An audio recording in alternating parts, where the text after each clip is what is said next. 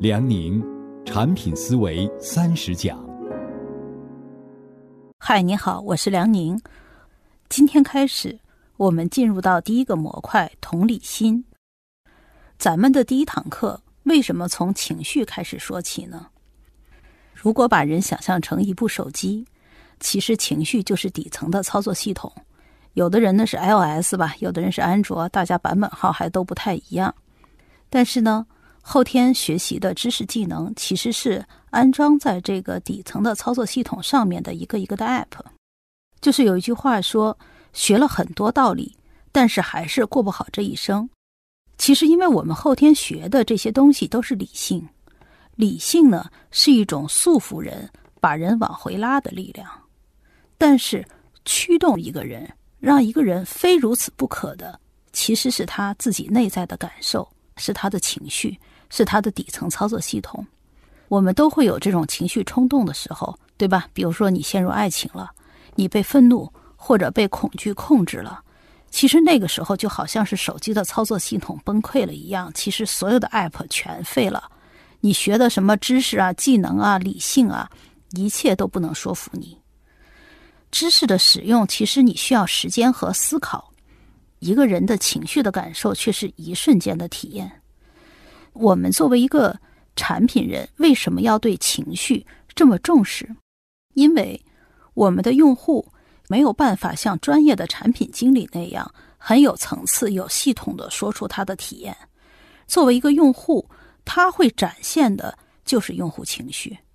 所以说。我们需要一开始就要开始学会读懂用户情绪，怎么读懂用户情绪？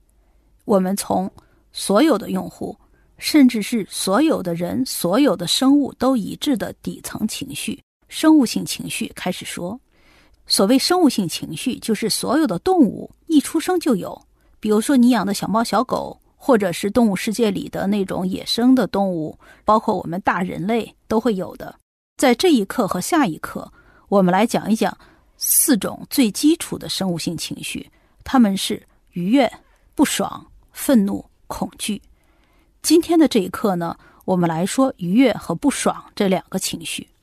在介绍这两个情绪之前，我必须得先隆重的说一个极其重要的词。几乎我们所有的产品工作，包括我们很重要的观察或者是洞察。都是围绕着这个词展开的。那这个很重要的词是什么呢？其实是一个熟悉的不能再熟悉的词。这个词就是满足。满足是一个非常非常重要的词，或者是刻度。你可以用它来衡量很多东西：一个产品好不好，你和一个人的关系好不好，包括你对你自己的认识。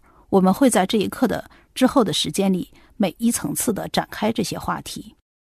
先来说满足和情绪的关系。我们讲的第一个情绪叫做愉悦。什么叫愉悦？直接来讲，愉悦就是被满足。因为我们都知道，所有生物的本能就是生存，它内化的生物的操作系统就是它的情绪驱动它的一切行为，其实都是为了满足自己的生存。所以，作为一个动物，如果它的生存条件被满足，比如说，一只虫子、一只鸟、一只猫，温度、湿度都很合适，然后有充分的食物，它就会展现出来一种愉悦和舒适的状态。而我们人类呢，其实不单纯是作为一个生物性的存在，更是一种社会性的存在。我们不但会是生存条件被满足，我们还需要在社会条件被满足。比如说，度假住得很舒适，吃得很好，你就会愉悦。同时呢，读你喜欢的书。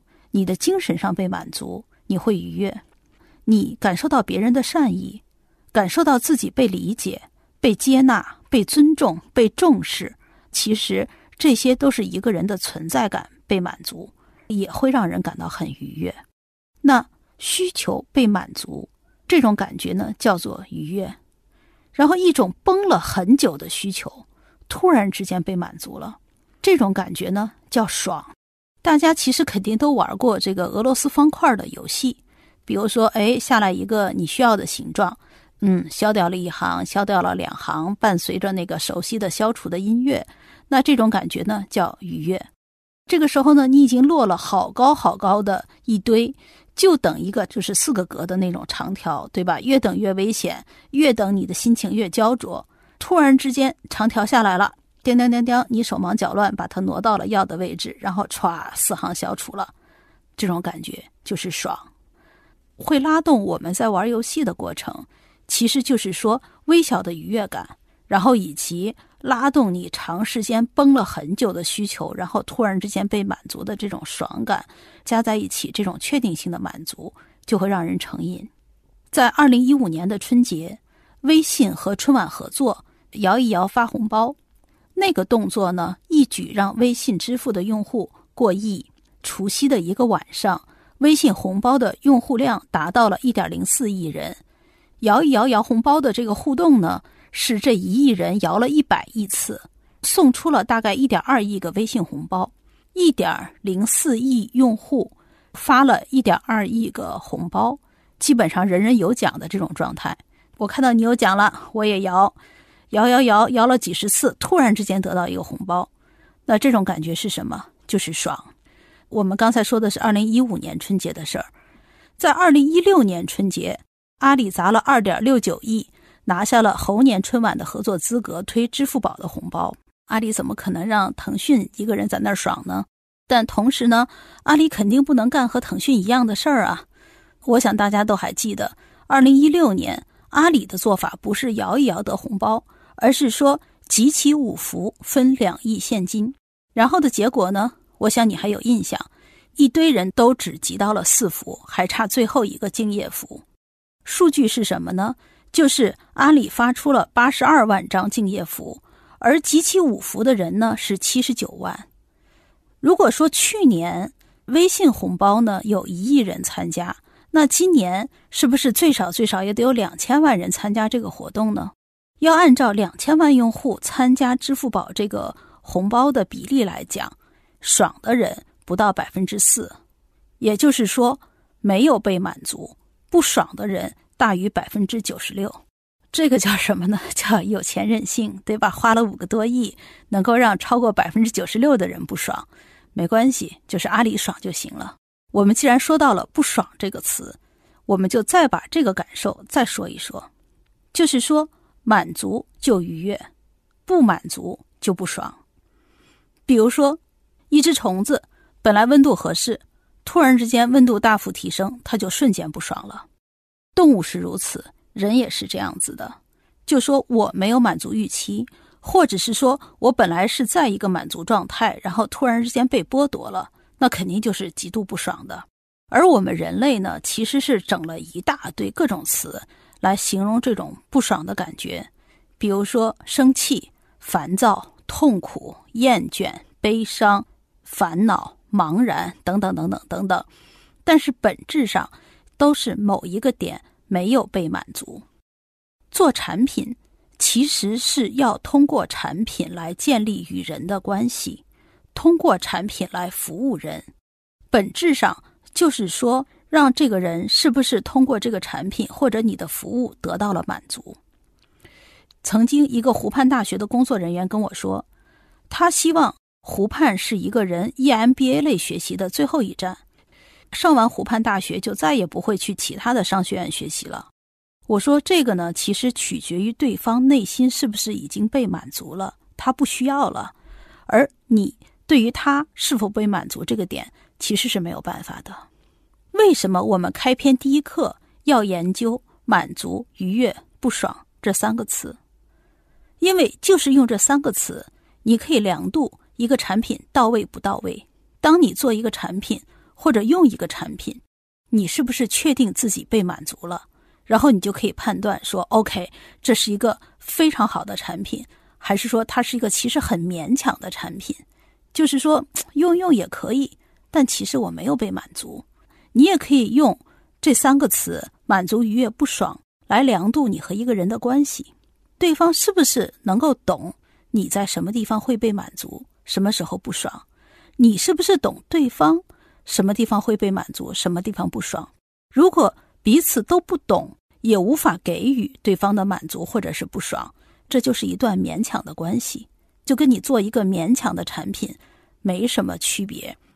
此外呢，其实你还可以用这三个词“满足、愉悦、不爽”来深入探索你自己，认识你自己。怎么探索呢？你想一想，为什么每个人是不一样的？为什么你照着 PPT 练习三次，你就会觉得很不爽？而乔布斯为了苹果大会对着 PPT 练习一百次，依然乐此不疲。就是为什么我打扫卫生就很痛苦，但是有的人就喜欢整理房间、打扫卫生，不厌其烦，一天打扫三次。为什么在同一个点上，有的人就会很不爽，而有的人就会很愉悦？你洞察这一点，其实就是上帝给你初始化的操作系统的密码。这里就是你的天分。你不厌其烦的地方，就是你天分的所在。说到这儿，我们稍微扯开一点，来谈谈天分这件事儿。我们一般会认为的天分是显性天分，比如说长得好看，对吧？身体很协调，动作很好，唱歌好听，智商高等等。其实还有一种天分呢，是隐性天分，就是他不会在两三岁的时候就能够展现出来，让别人看得到。但是一个人他会莫名的。对某些东西喜欢，某些东西能够持续的给这个人满足感，他就会持续的花时间在这儿，不厌其烦。时间久了，这个人就会与众不同。咱们都知道有一个天才理论叫一万小时天才理论。那问题来了，就是一个人为什么会在一件事情上花一万小时呢？当然，有些人是因为不得已，但是多半大家其实还是在这种深入的体验中找到了满足。找到了持续的愉悦感，然后呢，这种持续的满足和愉悦才能够撑得住一个人把自己压在这里，持续投入一万个小时。在这一刻的最后的这个时间，我们再谈一谈满足、愉悦、不爽这三个词，怎么能够来确认自己的天分，看到别人的天分。我们会看到优秀的人会有几个特性，就是敏感。不能容忍，然后要动手优化的能力。比如说，我妈妈就是一个非常优秀的家庭主妇，她一到我住的地方，马上就开始哇，你怎么能够住在这么乱的地方啊？这是什么敏感？接着呢，她不能忍，其实她就在我这儿待半天，但是他不能忍，他就得马上开始动手收拾两三个小时，然后家里就桌明几亮、井井有条，水果洗了摆在桌子上，他不能忍。他立刻就要动手去优化，驱动我老妈不忍马上动手优化的原因，是因为整洁的环境让她愉悦，给她满足感，而乱的环境她不爽，她难受。驱动我老妈收拾屋子，和驱动乔布斯对着 PPT 练一百次，把苹果上面的一个图标改一百遍的驱动力其实没什么区别。乔布斯改来改去。冲着工程师、设计师大发脾气，不是源于他追求卓越的动力，而是因为这些事情做不到他喜欢，他就是不爽。他是因为极度不爽、不能忍，才不停的改来改去的。所以呢，你吸收谁的营养，你就会变成谁；你靠什么满足你，你就会成为他的样子。什么东西持续满足你？什么东西永远让你不爽？其实这个就是你的命运。这节课讲完了，在这节课里呢，我们讲了三个重要的词：满足、愉悦、不爽。这三个词很普通，但是我希望你能够在很普通的词里发现说，哦，它的深意。然后呢，你可以使用它来量度一个产品到位不到位。你可以用它来量度你和一个人的关系。然后你还可以用这三个简单的词看到自己的天分和命运。这一节课的最后，我给你留一个作业。其实我们一开始就是讲情绪和感受，这个时候呢，你需要体察自己的情绪和感受，并且做出判断。我希望你能够再分享一下，你最近在用的这个产品中有什么你会觉得是说，哎，这个创业者自己说的天花乱坠。但其实你并没有被满足，你觉得它很勉强。当然，如果说你用了一个产品，你会觉得非常愉悦，每一点你的需求都能够得到满足，觉得很爽的产品也非常欢迎。能够在下面跟我分享，谢谢。